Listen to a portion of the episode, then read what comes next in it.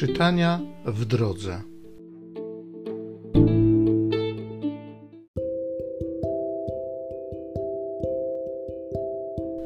Z księgi proroka Michała. Tak mówi Pan. A ty, Betlejem Efrata, najmniejsze jesteś wśród plemion judzkich.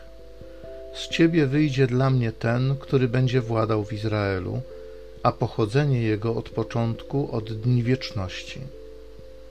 Przeto Pan porzuci ich aż do czasu, kiedy porodzi mająca porodzić. Wtedy reszta braci jego powróci do synów Izraela. Powstanie on i paść będzie mocą pańską w majestacie imienia Pana, Boga swego. Osiądą wtedy, bo odtąd rozciągnie swą potęgę aż po krańce ziemi, a on będzie pokojem.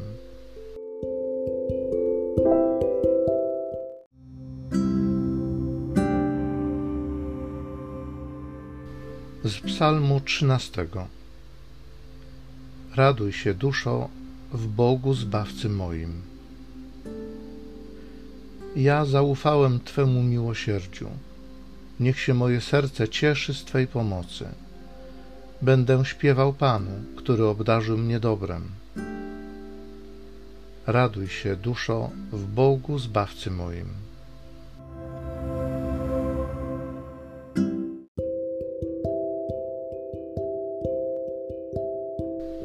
Z listu świętego Pawła apostoła do Rzymian.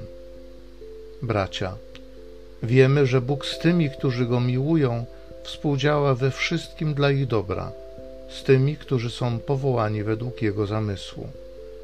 Albowiem tych, których przedtem poznał, tych też przeznaczył na to, by się stali na wzór obrazu jego syna, aby on był pierworodnym między wielu braćmi.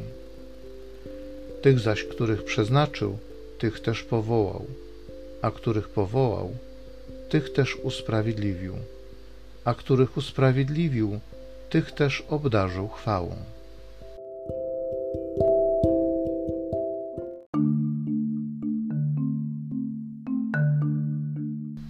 Szczęśliwa jesteś, Najświętsza Panno Maryjo, i godna wszelkiej chwały, bo z Ciebie się narodziło Słońce Sprawiedliwości, Chrystus, który jest naszym Bogiem.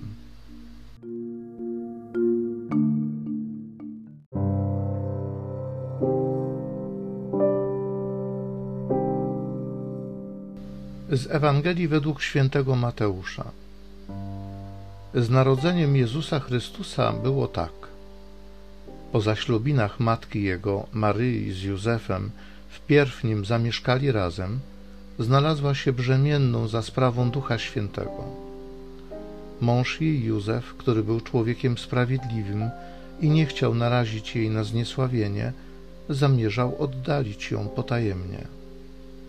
Gdy powziął tę myśl, oto anioł pański ukazał mu się we śnie i rzekł: Józefie, synu Dawida, nie bój się wziąć do siebie Maryi, twej małżonki, albowiem z Ducha Świętego jest to, co się w niej poczęło.